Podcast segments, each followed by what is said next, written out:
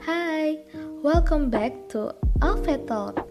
Perkenalkan nama aku Gita Rahma Aziza dengan nomor induk mahasiswa 20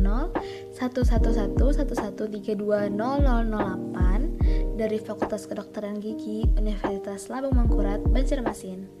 Aku dari kelompok 7 Fasialis, angkatan 2020. Apa kabar semua?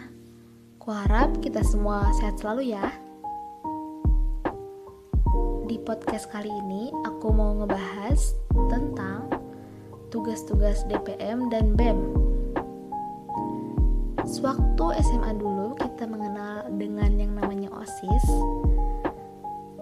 Nah, jadi waktu kuliah kita kenal kembali yang namanya BEM.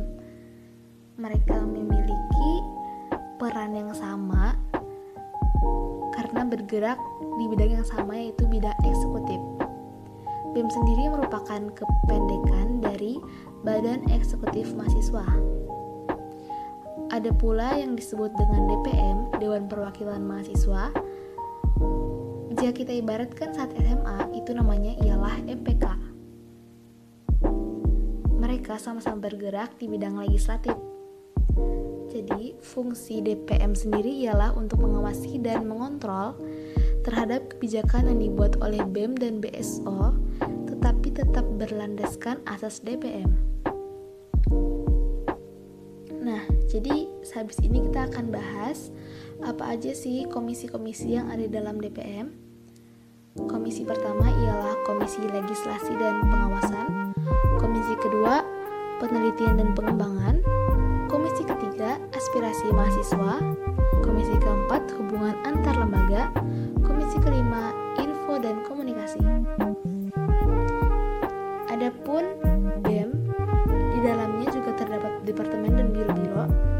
Yang pertama ada Departemen Interna, yang kedua ada Departemen Pengembangan Sumber Daya Manusia, yang ketiga ada Departemen Pengabdian Masyarakat, yang keempat ada Departemen Eksterna, yang kelima ada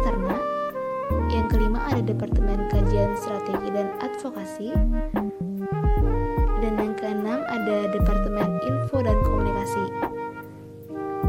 Selanjutnya ialah biro yang terdapat dalam BEM.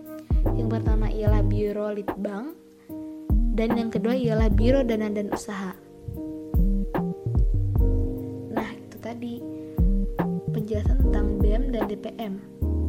Selanjutnya, mau bahas keuntungan apa aja yang dapat diambil apabila menjadi salah satu anggota dari BEM atau DPM.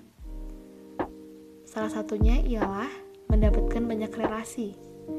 Relasi dapat kita dapatkan dari kakak tingkat maupun adik tingkat maupun teman seangkatan. Kita juga dapat berelasi dengan seluruh masyarakat dari lingkungan FAG. Um, adapun keuntungan lainnya seperti bertambahnya wawasan kita setelah bergabung kepada BEM dan DPM dan masih banyak lagi keuntungan yang lainnya. Mungkin itu aja yang dapat aku sampaikan di podcast kali ini. Salah hilaf, mohon maaf. Terima kasih guys yang udah